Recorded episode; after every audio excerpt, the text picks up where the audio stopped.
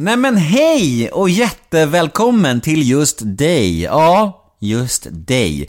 Jag är så glad att just du har hittat till intervjupodcasten Nemo möter en vän och det är jag som är Nemo Hedén och den här podcasten går ut på att jag sätter mig ner med en svensk kändis och eh, försöker nyansera bilden av han eller hon.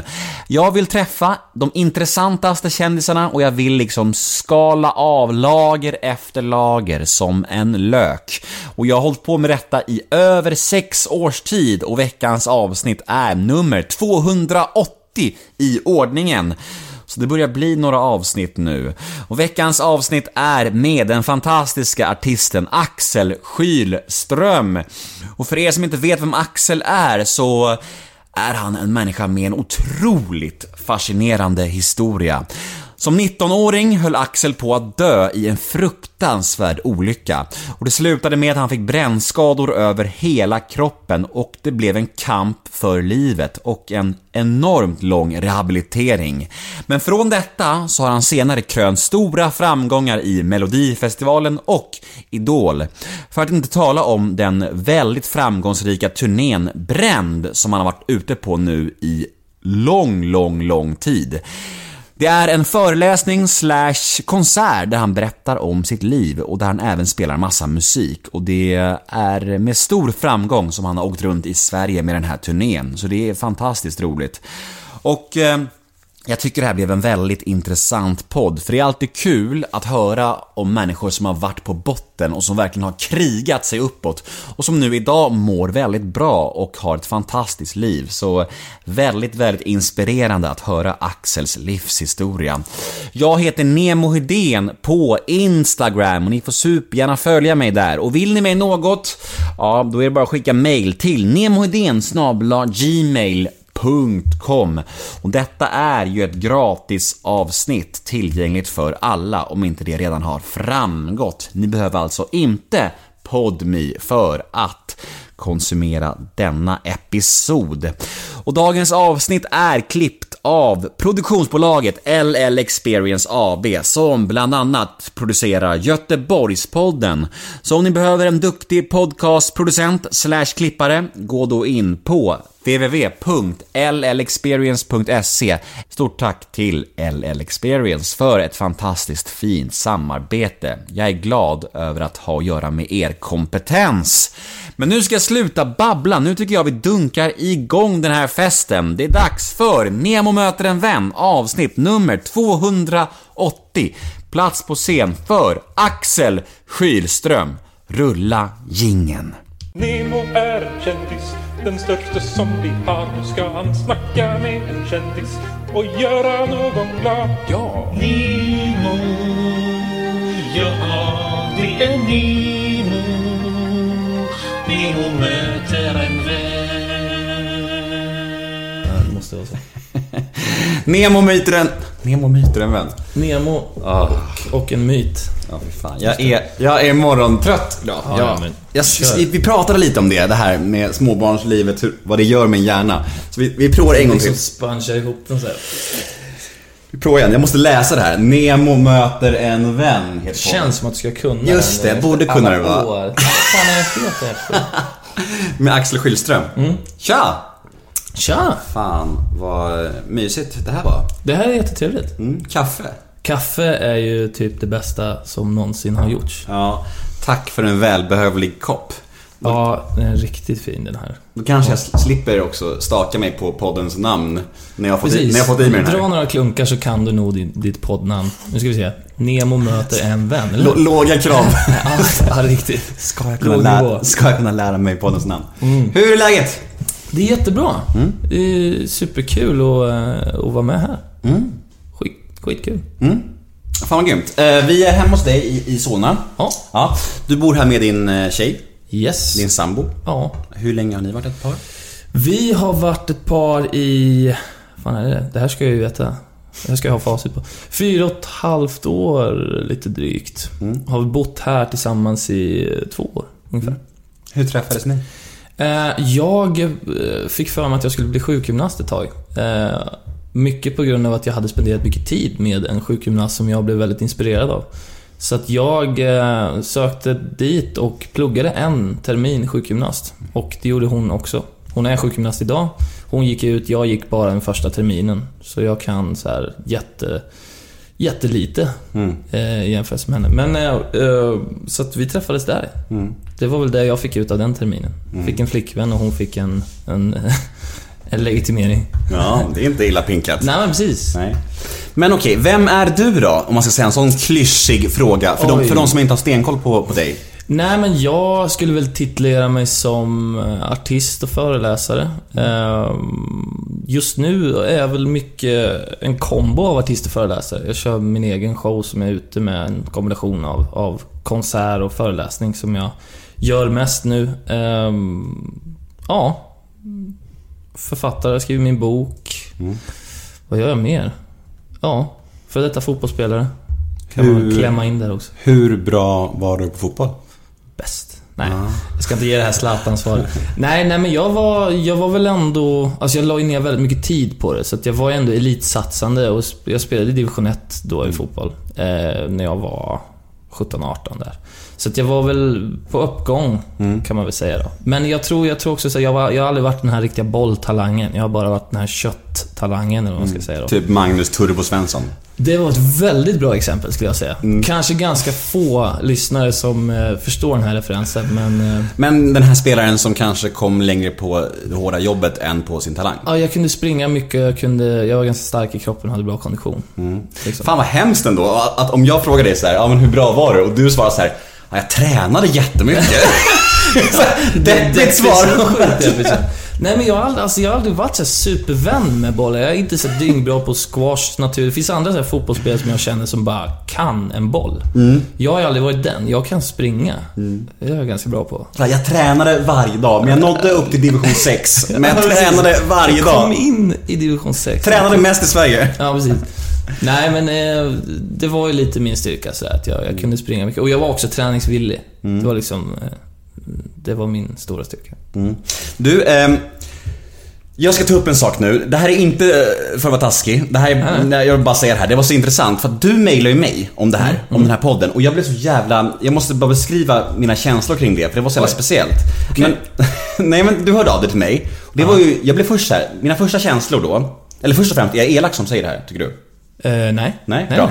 bra. Eh, jag blev först och främst så här lite stött och lite så här, jag bara, och lite paff. Jag bara, "Va- how dare him bjuda in sig själv till min podcast? Och sen övergick det så här, till så här, att jag blev så smickrad. Jag bara, va? Vill han vara med i min podcast? Vad Ja, det, vad det är fint. den känslan jag eftersträvar. Ja. Så jag hoppas att den liksom tog över. Men den tog över. Ja, det var så. Ja. Och sen så landade jag i någon slags, ja men han passar ju skitbra in för att han har en jävligt stark och speciell historia. Ja. Och sen så landade jag också i någon slags avundsjuka för att jag själv inte vågar göra sånt där. Nej. Jag, jag, jag skulle så gärna vilja, vara, vilja göra sånt. Jag tänker att många gör så och det är så jävla drivet och bra och liksom så här ta för sig och bara så här, men höra av sig till människor. För jag har ju jättemånga grejer som jag gärna skulle vilja vara med i. Som jag inte liksom vågar fråga om. Mm. Ja. Vad vad fan... Ja men, ja, men precis. Men jag, det, det är kul att du eh, ser en sån sak. För att det, det är liksom, de allra flesta artister och många offentliga personer har ju något...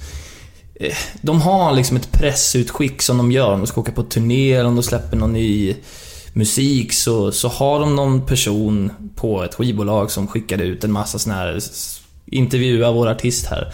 Men jag gör lite så här, när jag är aktuell med olika grejer så, eh, ja men jag mejlar folk som jag tycker att, ja men så här, här, här skulle jag kunna tänka mig att exponera mig själv och här skulle jag kunna tänka mig att göra reklam för mig själv och liksom vara med.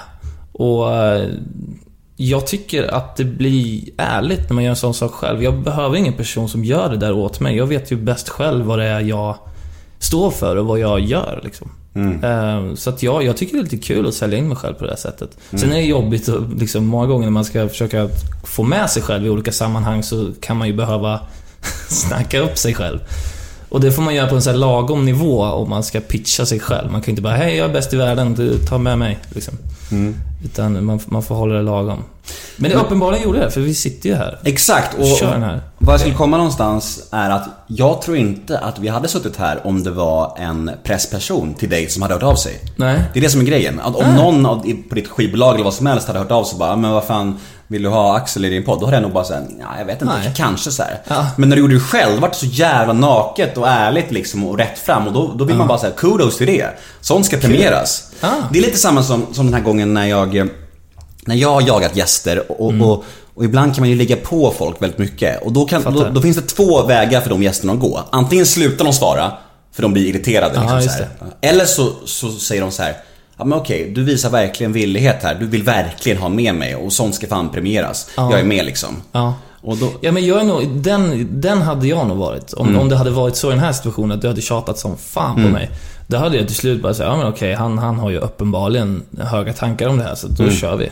Men många gånger när jag får förfrågan sådär som jag inte är sugen på, jag har aldrig riktigt upplevt den grejen, att någon verkligen ligger på så här du måste vara med här liksom. Mm. Utan det är ofta man får en fråga, man tackar nej och så, här, så är det fine med det liksom. ja men det kanske säger ganska mycket om mig då, hur jobbig jag kan vara. Jag Ja, inte. men man ska vara lite jobbig. Annars, man måste vara lite jobbig.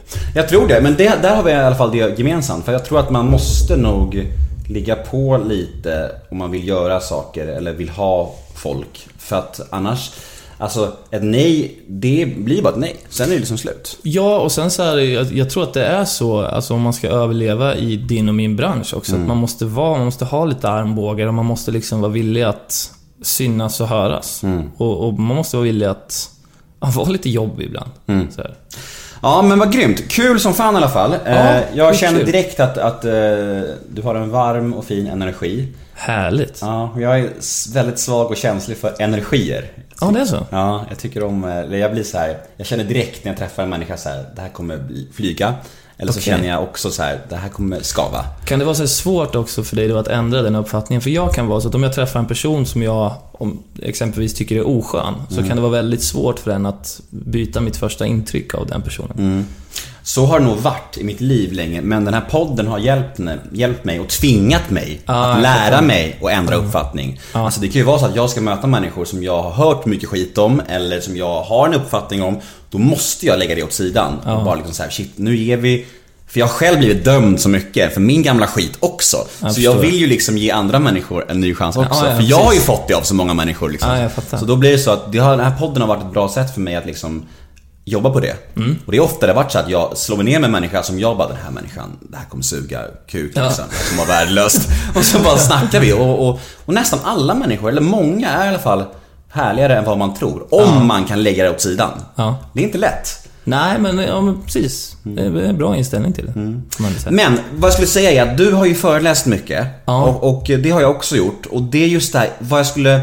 Vad som kan vara svårt då, tycker jag, att Mm. när jag hamnar i en intervjusituation, när jag blir intervjuad, Mm. så har jag, lätt, har jag märkt att jag lätt kan hamna i föreläsningspersonen. Ja, jag förstår. Att jag bara drar min story Att rakt du upp bara, och ner. "Oj, nu är vi här i manuset, då drar vi den. Nej, ja, men jag vet. Jag, jag fattar. Det, det har hänt mig också. Men, men jag är ganska som föreläsare. Jag, jag brukar ha... Eh, jag har inte så tight manus, eller vad man ska säga. Jag är inte så... Jag är inte så kär i mitt manus, man ska säga. Jag kan berätta min, mina grejer på ganska många olika sätt, kan jag säga. För det har varit lite min så här när jag föreläser så, så jag vill verkligen att det ska vara äkta. Och jag vill inte att det ska vara äkta på grund av att jag hittar ett bra kroppsspråk att göra det på, utan på grund av att orden kommer från hjärtat och inte från pappret. Liksom. Så att eh, på, på ett sätt så, jag fattar vad du menar. Men jag, jag, mina föreläsningar kan vara väldigt, kan vara precis likadana men låta helt annorlunda. Samma innehåll fast Ja, helt olika föreläsning, föreläsningar. Fast, ja, ja, men verkligen. Ja. Så eh, vi behöver inte oroa oss här för att det ska bli mekaniskt Nej, jag, kom, jag kommer inte läsa och innantill. själlöst. Nej. Nej men det tror jag att det är också, vi har någon fördel båda två att man föreläser om sitt liv liksom. Mm. Det är nog värre om man, om man faktiskt föreläser en föreläsning som är baserad på mer fakta om saker. exakt. Då är det nog jävligt lätt att hamna i det här mekaniska. Ja men precis. Ja men pratar om så här, men jag, alltså inte, inte för att eh, klanka ner på någon annan, men typ sen Pärleros föreläsning. Pratar Ja. liksom om framgångsknep, typ så här. Ja. Då kan nog väldigt mycket säga det här är de knepen liksom. Ja. Men och däremot om man pratar om sitt eget liv och sina minnen, vad man har varit med om. Mm. Då är det nog ganska mycket lättare att komma tillbaka till den känslan. Ja, men verkligen. Oavsett hur många gånger man har sagt det liksom. Ja men ja, det är spännande alltså. Ja. Men du, eh, nu eh, kör vi fan från början. Nu åker vi. Nu right. tar vi det from scratch. Norrkö- Norrköping 93. Norrköping 93, där eh, kom jag till. Ja. Mm. Vad, vad föddes du in i för, för familj? Eh, en väldigt, väldigt bra och stöttande familj. Jag uppväxt eh, utanför Norrköping, på landet. En, man kan väl definiera som en hästgård. En liten, eh, så här, omringad av skog. Morsan hade hästar. Jag hade stora gräsytor att springa runt med en fotboll och var galen på. Eh, väldigt stöttande. Hade en storebror med mig. Eh, syrran eh, också med. Så att, nej men väldigt så här. eh, Jag får ändå säga att jag har en väldigt enkel barndom. Alltså, Sprang du runt där utan bolltalang då? Ja, sprang och jagade bollen genom hela jävla skogen. Noll koll på var den tog vägen. Nej men, eh, ja, jag, jag sprang runt där och ja, men jag var jäkligt galen när jag var liten. Ja. Så jag slog mig mycket. Mm. Eh, för att jag var orädd för saker och ting. Mm. Berätta om dina föräldrar. Eh, nej men väldigt, eh, väldigt närvarande skulle jag säga. Väldigt snälla, väldigt måna om mig. Fortfarande så här. De, eh, min pappa har ju blivit lite av min eh, rådgivare. Eller har alltid varit egentligen. Så fort jag ska ta något stort beslut så snackar jag med eh, farsan innan. Han har alltid... Det, det som är intressant med just pappa, att han har alltid... Han, har alltid, han kan alltid medföra en ny vinkel. Så här, om, jag, om jag ska ta ett beslut så kan jag vara ganska enkelspårig och han kan hitta liksom... Han kan hitta en annan väg att tänka.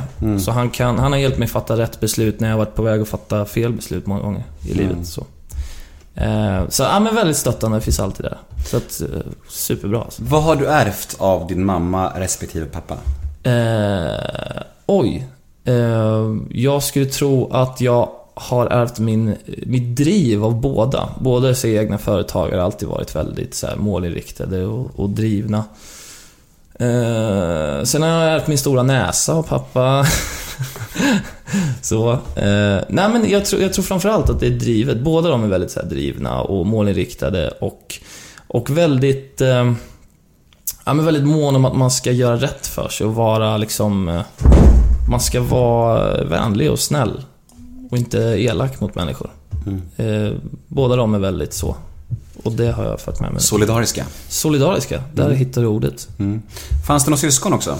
Ja, brorsan eh, på heltid och eh, syrran bodde hos oss på halvtid då. Min halvsyster.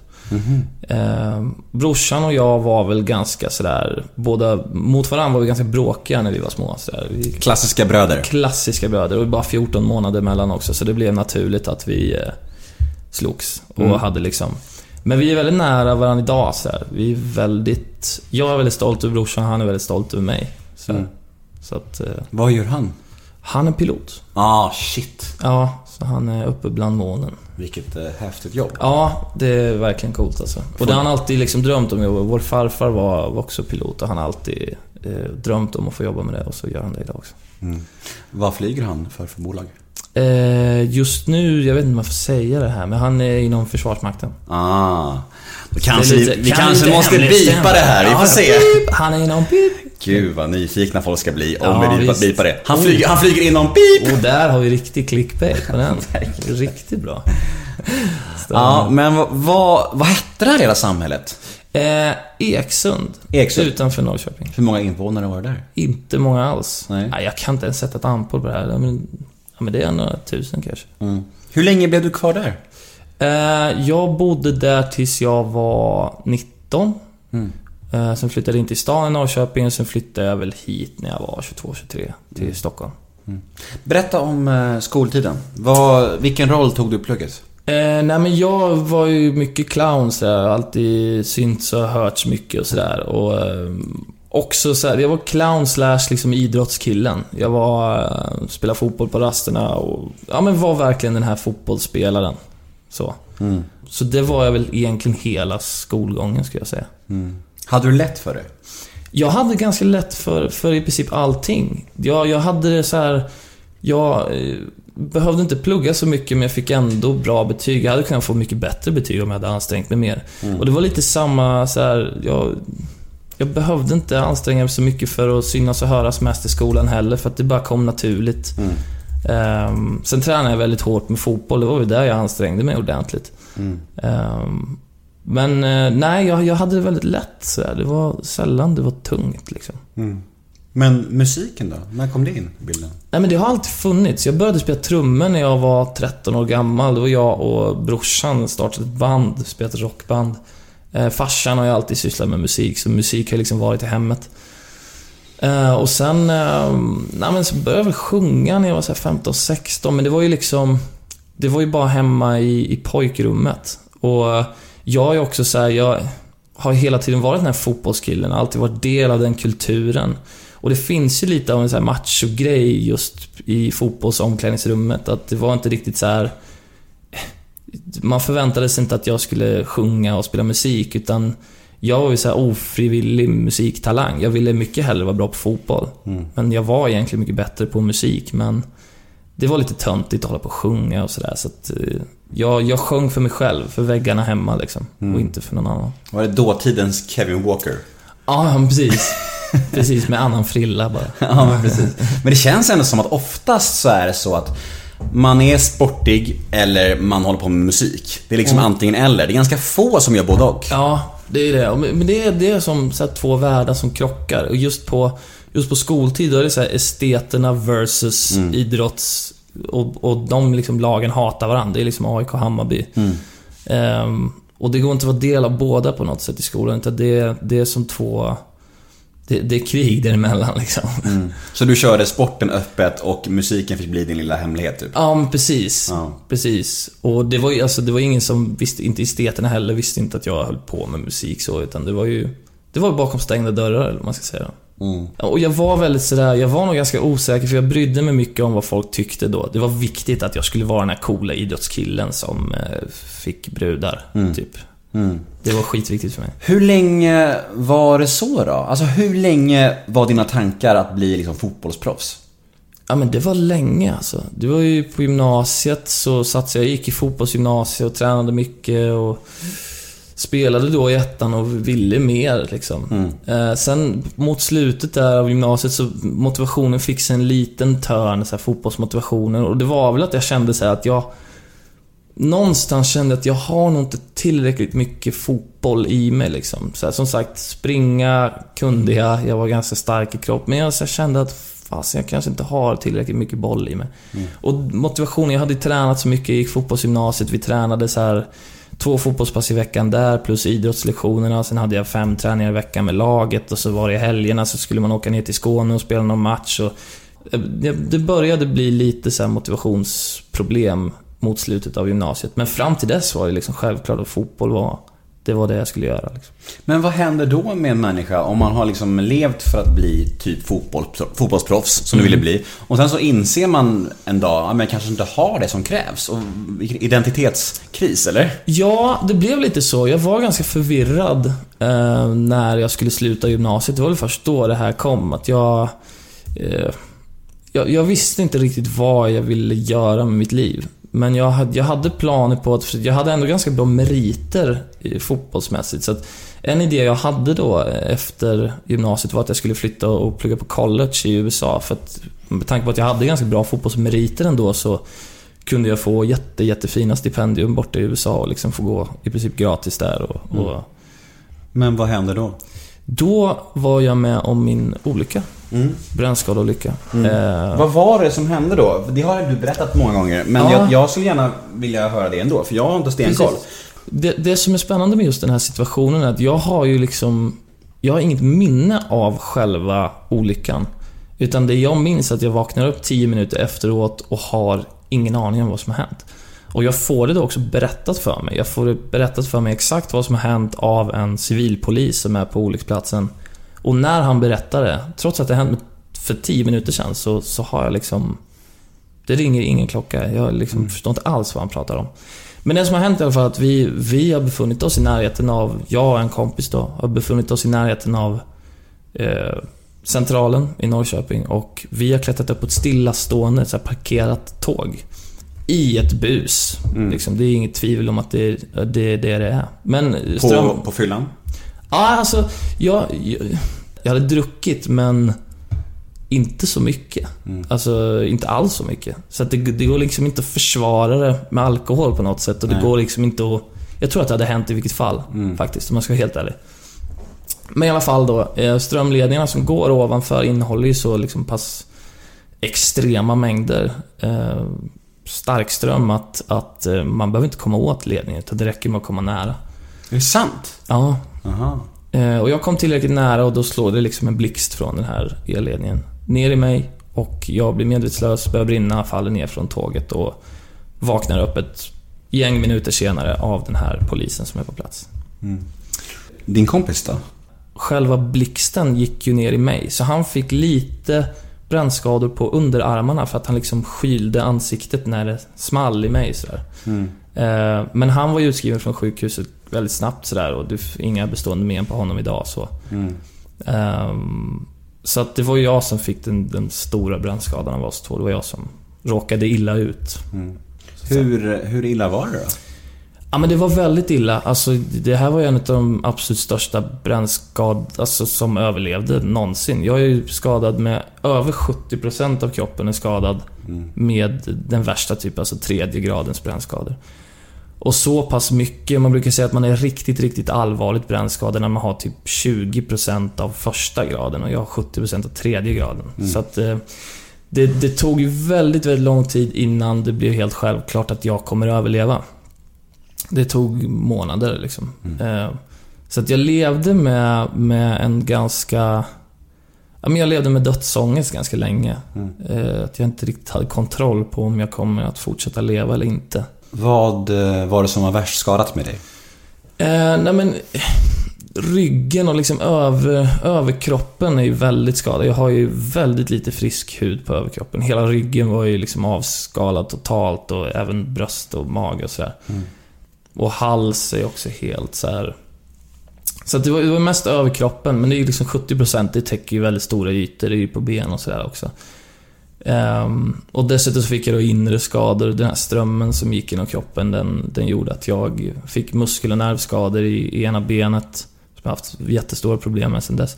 Så det var, det var liksom väldigt omfattande och det gjorde ju att jag låg i princip som ett kolli jättelänge på sjukhuset och bara...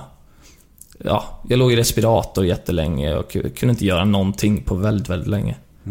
Men när du vaknade, eller hur, hur länge var du medvetslös?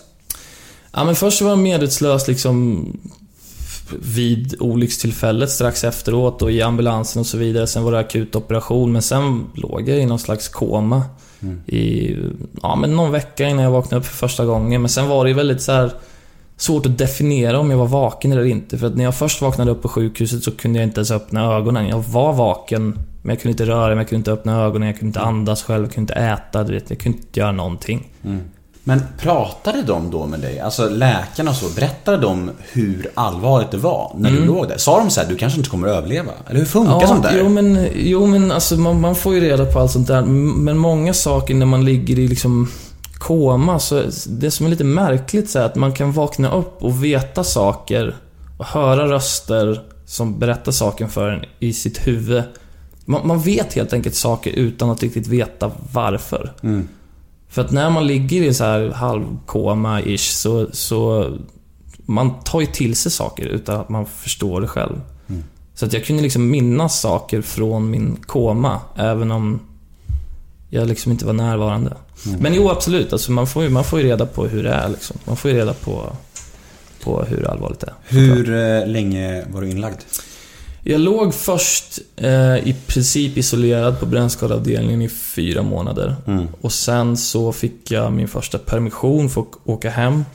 Men sen var jag på sjukhus i ytterligare åtta, nio månader. Så totalt ungefär ett år på sjukhus. Det är helt galet. Det är ju liksom en... eh, Jag tänkte nästan säga det förut när vi snackade om var jag bor och så här. Ja, men jag bodde i Norrköping, sen bodde jag på sjukhuset ett år, typ.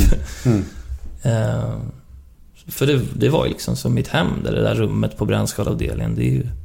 Det känns som min gamla lägenhet liksom. För att jag har spenderat så mycket tid där. Men hur funkar det? Får man ha skadestånd för en sån grej? Nej, alltså... Ska, alltså, du kan ju få lite försäkringspengar. Jag fick lite för... Jag vet inte vad man kallar det. Sveda, värk och ärr. Sådär. Men det blir ju absolut inga stora summor. Jag har ju hört folk som får så här ett ärr på knät och får jäkligt mycket. Men jag, jag hamnade... Det blev definierat att det här delvis var mitt fel. Vilket jag så här såklart köper. Eh, Så att absolut, jag har fått en liten, men det är, det är liksom...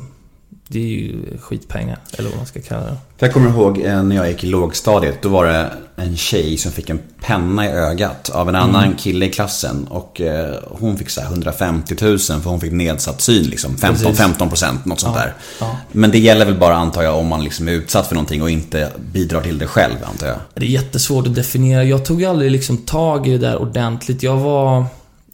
Vi gjorde den här utvärderingen ganska tidigt vill jag minnas. Och jag var...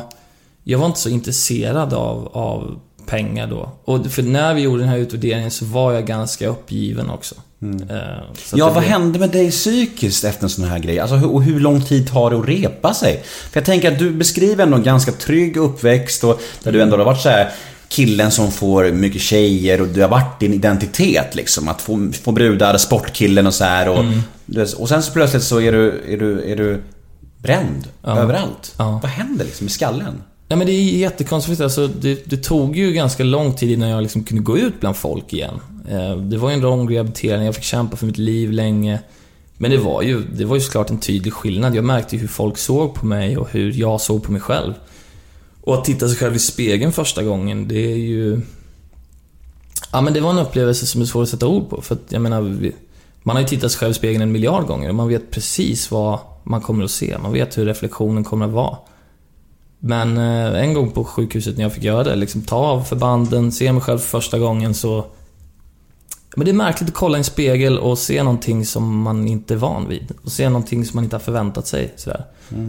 För det gjorde ju, jag var ju ganska så här uppåt. Jag, även om, om, om livet var tufft på sjukhuset ganska många månader så här, så, och jag fick kämpa för livet så höll jag mig ganska positiv. Jag höll mig ganska glad för att jag kände att om jag bara överlever så, så kan jag komma ut och leva igen. Men de sakerna förändrades ju mycket. De tankarna förändrades. Den här tanken på att jag skulle kunna få flickvän och fru och barn, den...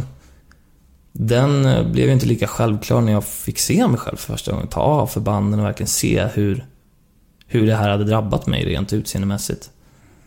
Eh, Det, det blev en jäkligt tuff smäll. Det var liksom, det, det blev en så tuff smäll att jag, jag, jag vill inte leva längre. Liksom, på grund av mitt utseende. Hur lång tid tar en sån sak att vänja sig vid? Ja men det tar lång tid alltså. Det tog väldigt lång tid. Jag, jag hade ett stort förakt mot de här ärren väldigt länge. Eh, och mycket handlade om att jag kände att jag kommer aldrig någonsin kunna ha den här känslan igen när man tittar sig själv i spegeln. Som när man har en bra hårdag. Du vet när man går ut på stan och bara Fy fan vad jag är snygg idag. Och vad jag, allting är bra. Ni vet, den. Men jag kände att den där kommer jag aldrig ha igen. För att jag, jag, kunde inte, jag kunde inte känna så. Jag kunde inte känna mig attraktiv. Jag kunde inte känna mig snygg. Och den omställningen blev ju lång. För att jag, och jag märkte ju också, som sagt, det var ju en väldig skillnad att gå ut. Jag kunde gå på samma gator och vara på samma ställen. Eh, Men sättet jag bemöttes på var liksom helt annorlunda bara på grund av att jag såg annorlunda ut helt plötsligt. Men hur bemöter människor en sån person som har, som har såna skador? Folk har ju väldigt mycket fördomar alltså. Det är ju så här att om, om man ser annorlunda ut så tror folk att man är väldigt konstig också. Ja, men folk ser mina brännskador och tänker så här att okej, han har hamnat fel i sitt liv. Han har gjort misstag. Han... Han kan man inte lita på riktigt. Eh, Så att folk tar väldigt mycket avstånd. De som inte tar avstånd, de som inte har fördomar, är ju egentligen barn. Och det är så jävla spännande för att jag, liksom, när jag blev utskriven från sjukhus, jag skulle liksom påbörja mitt liv som brännskadad. Jag gick ut på gatan och det var liksom skittufft för alla tog avstånd, alla var rädda för mig. Jag tänkte att fan, han smittar säkert liksom. Men barn gör inte det. Och det första jobbet jag hade när jag var brännskadad, det var att jag jobbade på en förskola. Av en slump egentligen. Och det var där jag blev accepterad för första gången. Av, av barn liksom. För de, eh, de har inte fördomar på samma sätt. De, de har kommit fram och bara vad, vad har du gjort? Varför ser du så konstig ut? Och, vad, vad, vad? och sen när man förklarar för dem så blir de så här, du vet.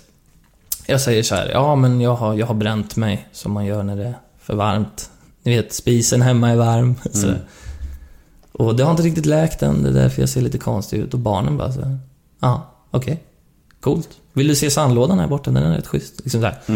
De accepterar mig direkt. Och eh, jag lärde mig sjukt mycket av eh, barn. om Man ska vara helt ärlig. Ja, verkligen. Fy fan alltså. Vil- Vilken jävla grej. Alltså det är så här. Ja. Svårt att, att förstå. Alltså det måste liksom... Jag tänker mycket på det här att, att, att hur man ser på sig själv och identitet och liksom att hur den förändras och vanetiden och så här. Och, och, och, men hur är det idag då? Kan du känna dig, kan du, kan du se dig i spegeln och känna så här, fan idag har jag en snygg hårdag? Jo, ja men absolut. Alltså Ja. nu är jag, jag skulle säga att jag har mindre utseendekomplex än någonsin. Skönt. Ja, men och jag, jag kom fram till det där också genom barnen också, att så här, attraktivitet och att vara snygg, det sitter egentligen inte på utsidan, det sitter i huvudet. Alltså, snygg och attraktiv i alla andras ögon blir du när du känner dig snygg och attraktiv. Så som sagt, när du har den här bra hårdagen, när du går ut och bara fy fan vad snygg jag är idag. Folk ser inte skillnad på ditt hår egentligen. Nej, alltså, du har ju, det är bara du som känner att okej, fan vad jag fick till det idag. Ehm, och kan man lära sig, jag kom väl till insikten att så här. Okej, jag har alla de här ärren Men alltså det, det finns ju ingen på hela planeten som ser ut som jag. Och när man tänker efter, det är ganska fett. Och när jag börjar tänka så, så börjar jag uppskatta mina ärr på ett annat sätt. Jag börjar känna, känna mig attraktiv. Jag börjar liksom få ett självförtroende, jag börjar få... Ja, men jag börjar känna mig attraktiv. Och när man känner sig attraktiv så, så blir man attraktiv på ett annat sätt. Det är liksom, det är ingen yttre egenskap, det sitter på insidan. Hur är det idag då med det här med känslighet? Alltså om till exempel någon påpekar det idag. Vi säger en kommentar på Instagram eller vad som helst. Om någon påpekar, men hur ser det ut? Är du ledsen då eller är det bara så här, rinner, rinner av dig? Absolut inte. Nej. Jag, jag tycker ju så här, jag tycker det är, det är bättre att få kommentarer än att inte få det. För att som sagt, folk är så... Folk kan vara väldigt rädda att prata om det också. Alltså jag kan träffa folk så här, som jag står och pratar med och så... Ja, står och pratar om vad som helst och sen så nämner man så här, ja men så var jag med om en brännskadeolycka för ett par år sedan. Och de kan säga så här, VA? Var det? Det är inte ja, men du sant. vet, så här, Nej. Man bara, jo, det, du kanske noterar det om du, Du? tittar noga. Du, du brännskadad? Nej, Va? det kan Nej, inte stämma. Det kan det inte. Ja, du vet, det är ju det absolut värsta. Folk som liksom låtsas som att det inte finns. Elefanten i rummet, eller vad säger Ja, man? men typ. Det är så här, ah, Ja, spännande. Eh, men du, ska vi prata lite om, om eh, ditt idoläventyr? Ja, visst. Mm, jag är nyfiken på det, för att du, för att du kom fyra. Yes. Ja, fan, jag har ändå lite koll. Ja, Eh, vad var det bästa respektive det sämsta med att medverka i Idol? Uff. Nej men det bästa och sämsta är väl att man, eh, man blir verkligen inkastad i, i någonting man aldrig har upplevt förr. Alltså man går från 0 till 100. Jag gick från att sjunga för mitt vardagsrum till att sjunga för miljontals TV-tittare. Och det är ju bra för man, alltså, det är ju som att bli islängd på djupt vatten. Man lär sig att simma. Ehm, Var det självklart då att vara med med tanke på ditt utseende och allt det här? I slutändan blev det ju det. För att alltså när man har liksom hanterat döden och haft så mycket dödsångest och vetat att mitt liv kanske är slut och verkligen fått förlika sig med en sån sak. Då blir det ganska självklart att man måste verkligen göra det man vill. Och som sagt, jag hade alltid velat göra musik. Det var bara för att jag brydde mig så mycket om vad folk tyckte som jag inte gjorde det innan min olycka. Och olyckan och alla lärdomar därifrån fick mig att inse att okej, men jag vill göra det här. Så jag måste prova det här. Och det var ju ungefär då jag också hade lärt mig att brännskadorna kommer inte hindra mig från att kunna känna mig attraktiv, utan det är en känsla som kommer inifrån. Och allt det där liksom bakades ihop och jag kände att livet är för jävla kort alltså. Jag, jag, måste, jag måste prova det här. Och jag sökte till Idol utan hänsyn till mina brännskador. Jag, jag gick dit med en dröm om musik, precis som alla andra. Och jag, så här, jag vet att jag kommer få kommentarer om det här. Folk kommer ha åsikter, men det spelar ingen roll. Hur kände du då gentemot att TV såklart ville göra en grej av det? Var det så här, ja men det förstår jag, eller kände du bara så här, men kan vi inte bara fokusera på musiken istället? Nej men jag fattade det. Alltså det är så här, jag, jag förstår det och de, jag tycker ändå de framställde det bra. Men jag försökte hela tiden se det som att jag, jag är bara här och följer min dröm. Var det samma resonemang eh, när det sen blev mello? Alltså var det lika, var det lika cool med, med uppmärksamheten då? Hade du vant dig då liksom, eller? Ja, jo men det hade jag. Absolut. Man vänjer sig vid väldigt mycket sånt på Idol. För att det är väldigt intensivt. Det finns inget som är så intensivt uppmärksamhetsmässigt som Idol. Inget man har gjort efteråt och... Det tror jag typ alla som är med i Idol, oavsett hur stor man blir efter Idol, så... Man, alltså, du får så otroligt mycket uppmärksamhet då så att... Det finns inget liknande. Det är typ det amerikanska presidentvalet. Det är den nivån på uppmärksamhet. Så att man vänjer sig verkligen vid, och man vänjer sig också vid folk som inte tycker om en och liksom att få, att få skit från folk så här. Så att allt, allt som har med kändisskap, media, allt sånt vänjer man sig väldigt vid under Idol. För att man blir inkastad i det helt enkelt. Om du får samma fråga, eh, fast nu handlar det om Mello då, det här med bästa och sämsta. Ja men det som var jättebra med Mello är att eh, jag fick jag fick säga till om saker själv. Det var inte lika självklart under Idol. Då var man lite mer en produkt. Och sådär. Man kunde komma dit på fredagen och säga ja men vi har gjort en koreografi och, och här har du några dansare och det här ska du göra idag. Liksom. Eh, på Mello var det med, där får man ju vara med och bygga, man får vara med och bestämma själv och, och, och sådär. Idol var inget sånt alltså? Det är klart man fick ha önskemål, men för det första så visste man ju väldigt lite. Jag visste inte hur man gör ett bra nummer och hur det ska se ut liksom. Ehm, men det var, det var också väldigt styrt liksom. Uh, Mello fick man bestämma mer själv, det tyckte jag var jättebra. Och det sämsta med Mello? Nej men det är ett väldigt bra fönster alltså. Det, det finns fördelar, men det, det är lite så här, det blev... Man får en väldigt definierad målgrupp efter Mello också. Efter Mello var jag ute och gigga bara för väldigt små barn, exempelvis. Eh, Det var inte riktigt den publiken jag här, ville ha bara, utan jag ville ha en bredare publik. Så det, det var väl en negativ, att jag blev väldigt så här. Och det har blivit svårt att bli av med. Det har varit svårt så här att, att få vuxna att förstå, nu när jag har turnerat med min, med min show och sådär, att få vuxna att förstå att okej, jag, är ingen, jag är ingen barnartist, utan jag är en seriös... Eller seriös, men jag är liksom, jag, det finns fler målgrupper än så för mig. Men är Mello yngre målgrupp än Idol? Nej, men det, jag tror att det var kombinationen där också. Alltså, det, men Idol är ändå... Jag tror att... Jag tror att det också var min låt och liksom min koreografi och allt sånt där till Mello som... Det, hela jag i Melodifestivalen tilltalade yngre. Jag fick väldigt mycket barn till fans där. Idol var det nog lite mer spritt. Så att Mello gjorde att jag liksom... Jag hamnade i en, i en yngre målgrupp där. Eh, Och den var svår att göra sig av med. Eller vad man ska säga. Göra sig av med ska jag inte säga, men det var svår att... Om ni är några barn där ute som lyssnar och som gillar Axel, låt honom vara! Låt mig vara! Han vill bli av med er nu! Svår att bli av med, så Ja, skönt. Riktigt otacksamt så här. Det där kan du klippa ut och ha som teaser. Ja, Axel blir av. Det är svinbra. Han vill bara bli av med sina fans. Fy fan vilket douchebag man. Ja. Men vi har faktiskt en fråga, en, ett lyssnarmail angående just Mello. Eh, Mm. eh, där jag faktiskt håller med det här mailet väldigt mycket. Mm. Som lyder så här. ehm, jag tyckte väldigt mycket om ditt bidrag i Mello. Var du besviken att du inte nådde finalen? Ja, men det var jag. Ja, Jag, jag, jag kommer från den här idrottskulturen också. Så jag hade ju, jag satsade ju för final, definitivt. Och sen är det också så här, måste man ändå säga att när man gör Melodifestivalen så blir man ganska fackplacerad sådär. Om man tänker turné efteråt, att eh, de som går till Andra chansen, de får gigga på de här ställena. De som går till final, de får gigga på de här ställena. Och det kan vara ganska stor skillnad däremellan. Och jag förlorade ju med minsta antal röster någonsin i min Andra chansen-duell. Så jag var ju väldigt nära också, vilket gjorde det väldigt surt. Ehm, och året efter var jag jättesugen på revansch och då kom jag inte med. Eh, så, att, så att, jo men det var lite tufft sådär. För att jag missade ju i final i Idol med en vecka också, så det blev ju så jävla... Målsnöret. Ja, det blev målsnöre-feeling på mig, men eh, någonstans... Och jag har väl insett att det, det går inte att... Det går inte att tävla i musik egentligen. Men... Säger man inte bara så när man har förlorat? Jo, exakt. Det är den klassiska jävla förlorarkommentaren där. Det går inte att tävla i det, jag bryr mig inte. Undrar hur många vinnare som säger så? Nej, ingen. Det går att tävla i musik och jag vann. Ja, exakt, exakt. Så hade jag sagt om jag hade gått till final. Det hade varit skillnad på den här intervjun. Ja, verkligen. Jag är en vinnare. Ja, verkligen. Men vem var det du torskade duellen mot? Eh, Lisa Ajax.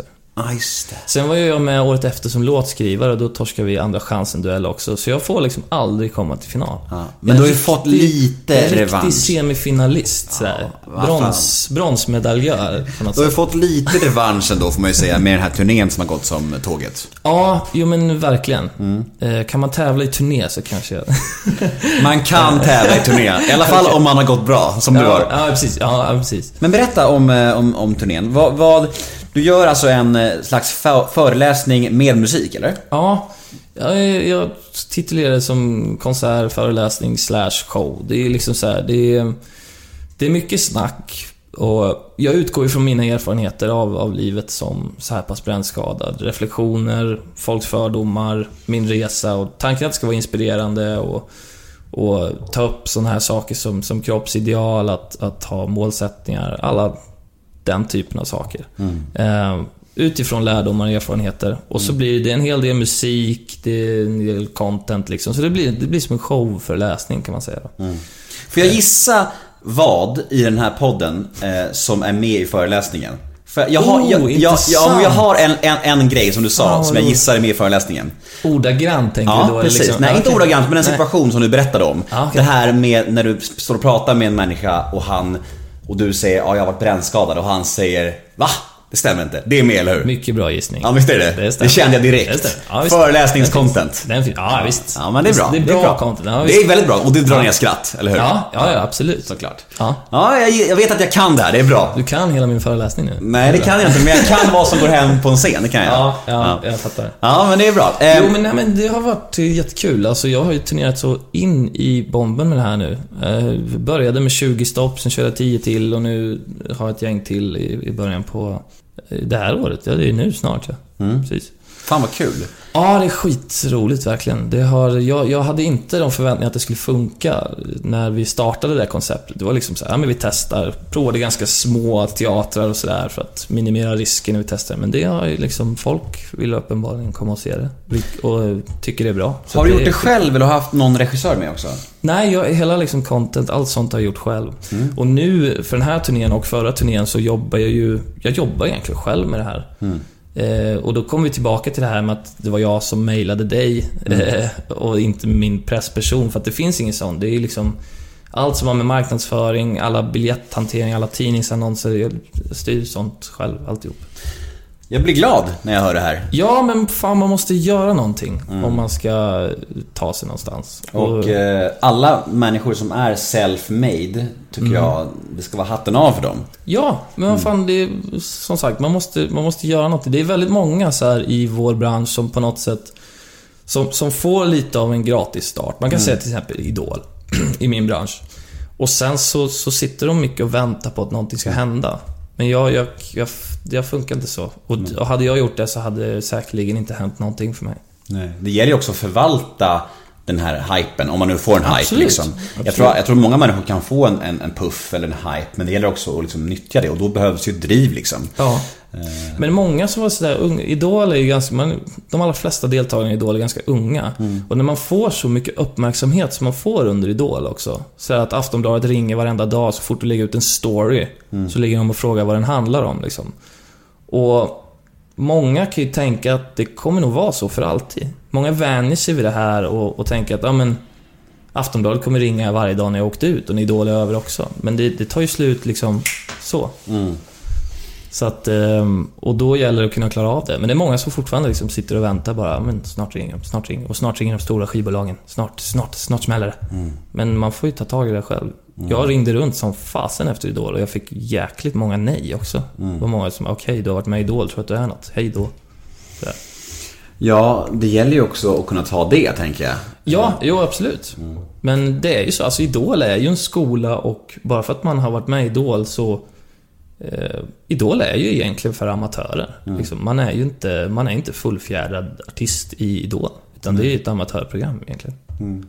Ja, det svåra är ju att hitta sin nischen, sitt koncept. Och det Ja, har verkligen. Mm. du gjort med din, ditt turnépaket liksom. Som gör, det som gör att du sticker ut liksom. Och det är ju Verkligen. verkligen, det som är det svåra egentligen.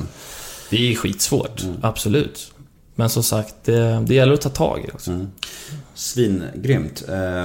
Grattis till att det går så bra, det är ju Ja, jättekul. detsamma får man säga. tack. Du, eh, vi ska leka lite snabbfrågor nu. Oj, oj, oj. Är du med? Ja, ja. Nu kör vi. När grät du senast?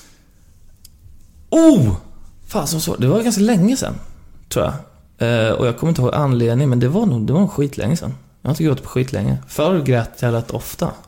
Minns du om du grät när du såg dig själv från spegeln första gången? Ja, det gjorde jag, fast... Ja, det gjorde jag.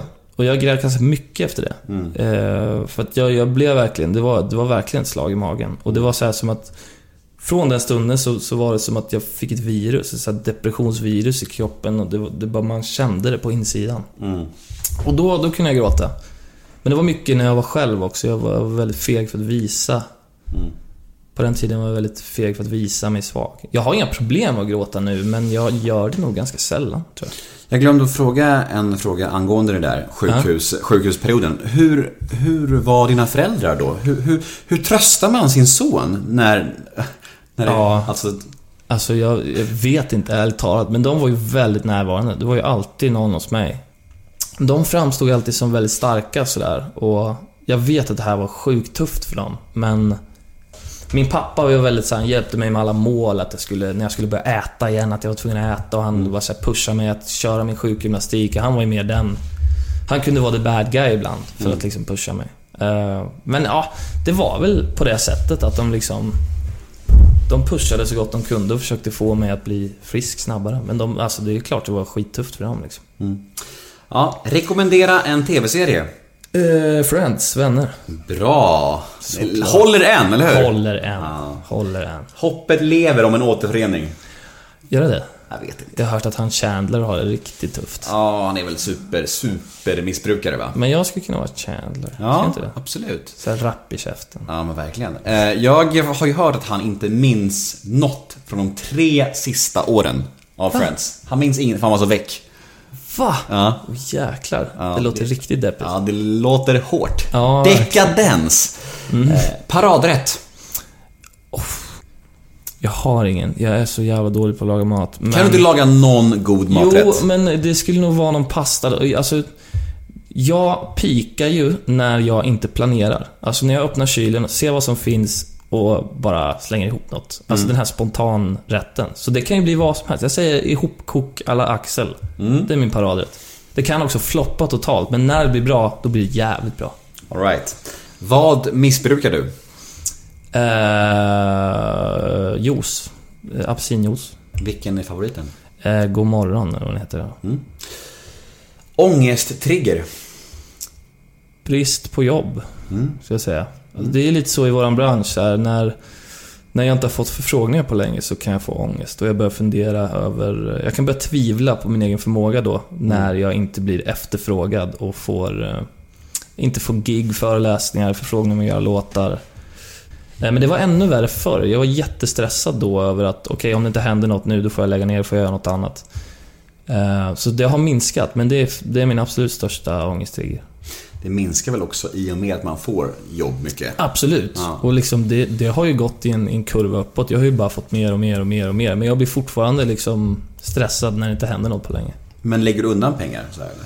Ja, absolut. Ja. Absolut, det gör jag. För du Men- känner ganska bra nu tror jag, eller? Jo, absolut. Det går bra. Liksom. Cash det är finns på kontot. Ja, ja, men precis. Och det, och det, men, men så jag ser alltså jag tar ju ut samma lön varje månad i mitt bolag, men jag kan bli så här. Det, det känns som att när jag har mycket jobb så köper jag mig själv tid. Mm. Och det finns alltid den här tanken, okej men sen då? När pengarna tar slut, om det inte händer, vad gör jag då? då liksom? Så att jag, jag har alltid den lilla, den här framtid, framtida jobb-ekonomiska ångesten. Vad kommer du aldrig förstå dig på att andra människor tycker om? Eh, vissa musikstilar. Ska säga mycket på topplistan nu faktiskt. Jag, jag, jag, har så, jag har så jättesvårt för musik som inte har så mycket melodier. Mycket av hiphopen just nu är väldigt så här monoton. Och jag gillar hiphop, men jag gillar saker med melodier. Så, så här, o, omelodiös musik, jag har jättesvårt att förstå att folk så här, tycker det är nice att lyssna på. Jag, jag fattar inte det. Vad lyssnar du själv på? Jätteblandat skulle jag säga. Jag, jag, är så här, jag lyssnar lite med låtskrivarögon. Jag tycker att en bra melodi och en bra text. Sen kan det vara i vilket format som helst. Det kan vara en dynghårdrockslåt, det kan vara en hiphoplåt, det kan vara en poplåt. Men jag lyssnar mycket på så här, melodi och text. Mm. Sen kan det låta lite hur som helst. Vilken egenskap hos dig själv föraktar du mest? Föraktar? Eh, nej men det är nog just det här att jag blir lite stressad när det inte händer saker. Att jag...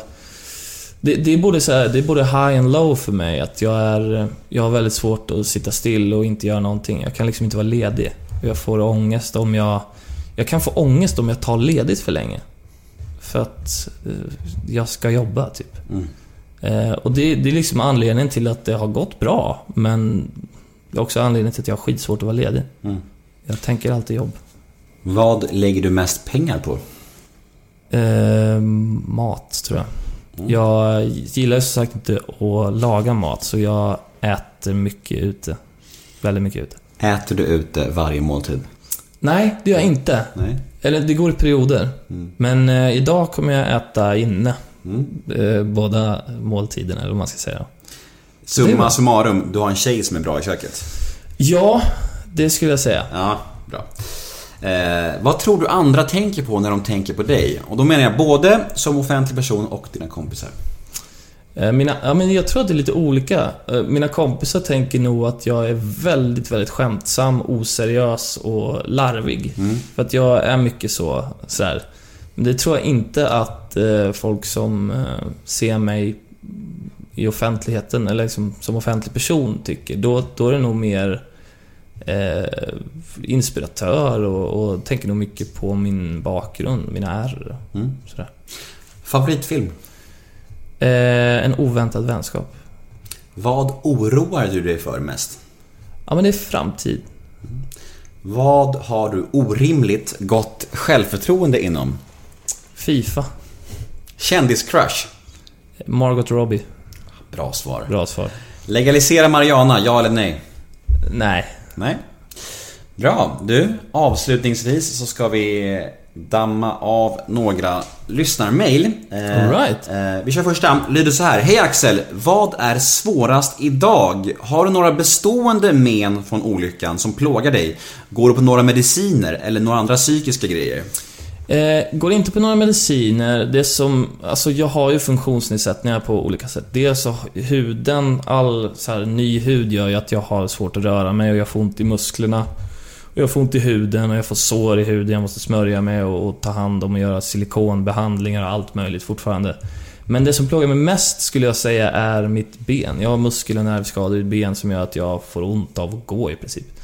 Eh, och det här, jag har gjort ett tiotal operationer i det här benet totalt och, och det blir inte bättre. Men prognosen var att jag inte skulle kunna gå igen och det kan jag göra och jag liksom spelar ju fotboll for fun sådär men men det, det plågar mig ganska mycket. Eh, och det finns inte så mycket att göra åt saken. Jag får ha bekväma skor och sulor och sådär. Så det är väl det jobbigaste tror jag. Men du kan sparka boll alltså? Ja, det kan jag. Men jag har inte samma, liksom, den hamnar inte riktigt där jag vill ibland. För att jag har så dålig känsla, dålig muskelkontroll i... Och jag är högerfotad också, så den kan hamna lite... Om jag ska slå en crossboll kan den hamna fel. Men då Orättvist. har man något att skylla på. Ja, men det är- Ah, men fan, jag har muskelskador, så det är det. Men alltså orättvist ändå att du som tyckte att du inte hade bolltalang så mycket innan får den här skadan. Ja, exakt. Nu är det helt... Det borde ju drabbat någon som var superbegåvad istället. exakt, där blir med, då hade vi hamnat på samma nivå. Fan också. Finns ingen rättvisa eller? Nej, verkligen Nej. inte. Vem kom du närmast i Idolgänget? Eh, Martin Almgren, som eh, också vann det året. Han och jag har ju... eh, Jag skulle säga att han är min bästa vän. Mm. Alltså vi hänger väldigt mycket. Han bor väldigt nära här. Han verkar fin. han är så jäkla fin. Och vi har sjukt roligt ihop. Så här, och vi stöttar varandra i allting. Och vi snackar varje dag liksom. Mm. Och nu gör vi också... Vi, vi turnerar ihop med Robin Hood i Musical just nu också. Mm. Det är skitkul.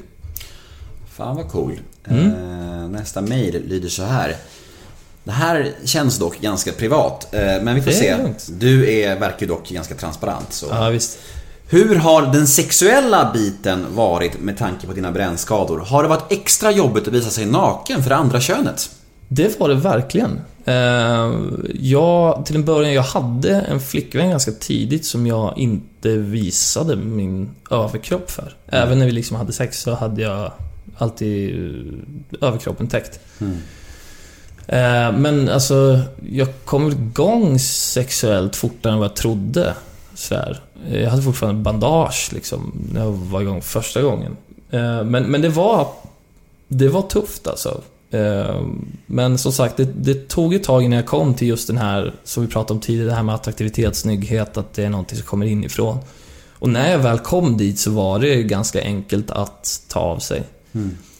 Eh, Men, men det är klart att det var eh, väldigt tufft. Och det är många som har frågat också om jag har om jag fungerar sexuellt. Det var Mm. många som frågade mig i början, jag har fått den frågan mycket. Och, och det var ju en oro jag hade också. Mm. För att när jag liksom vaknade upp på sjukhuset så, jag kunde inte röra mig, jag visste inte ens om jag hade Mm. min eh, grej kvar Mm. överhuvudtaget. Men som tur var så var det inte påverkat på något sätt. Ja, shit. Tänk om... eh, Tänk om, Om den det. hade- Ja, men vilken jävla grej Det alltså. är rätt tufft. Ja. Ja, verkligen. Shit, ja. Men då är vi framme vid eh, sista lyssnarmailet och även poddens sista fråga. Oh, okej. Mm. Lyder så här. Vad är dina drömmar och mål med framtiden? Jag brukar tänka ganska kortsiktigt. Alltså så här, jag, jag har ju det här typ brandprojektet nu, jag sysslar med min musik, jag har skrivit jättemånga härliga låtar som jag är så nöjd med. Så att för mig är det liksom att jag vill ju göra precis det jag gör, men jag vill att det ska gå ännu bättre. Och jag vill göra det i större skala, för större publiker, jag vill ha en större lyssnarskara, jag vill gigga på större scener. Men jag gör ju precis det jag vill göra. Så att eh, jag lever väl min dröm på ett sätt, kan man säga. Kul. Ja, verkligen. Du, vi Ja. är klara. Vi är klara. Hur känns det här? Det här var sjukt kul. Det känns som ett eh, så här, jätteavspänt snack. Det känns inte som att vi har haft mickarna på ens en gång. Nej. Det kanske inte har. Nej. Börja om. Precis. Fan också. Eh, Ja. det har vi, det är perfekt. Eh, Och det är väl exakt den känslan jag vill att mina gäster och mina lyssnare ska få. Ja, Att det är som ett, liksom ett kompissamtal. ja, men det känns verkligen som att vi har haft det. Ja, vad härligt. Jag är också supernöjd, så det här var verkligen trevligt. Eh, Ja, bra. Vad, eh, vad har du för sista visa slutord att gå ut med? Slutord. Just det här med attraktivitet. Om det är någonting jag kan trycka på mycket att, eh, som sagt, jag är ändå brandskadad över 70% av kroppen. Och jag har funnit ett sätt att känna mig attraktiv på. Eh, Så att även vad man har för utseendekomplex så går det att komma över dem. Mm. Det, det kan vara mitt, liksom, min catchphrase här och min, mitt ledmotiv. Det är väl bra om något i dessa I utseendefixerade, dessa tider, ja, verkligen verkligen. sociala medier och bekräftelse och, Ah, och yta och skit liksom. Så det var väl jättebra. Tack för idag Axel. Tack ska du ha. Tja tja!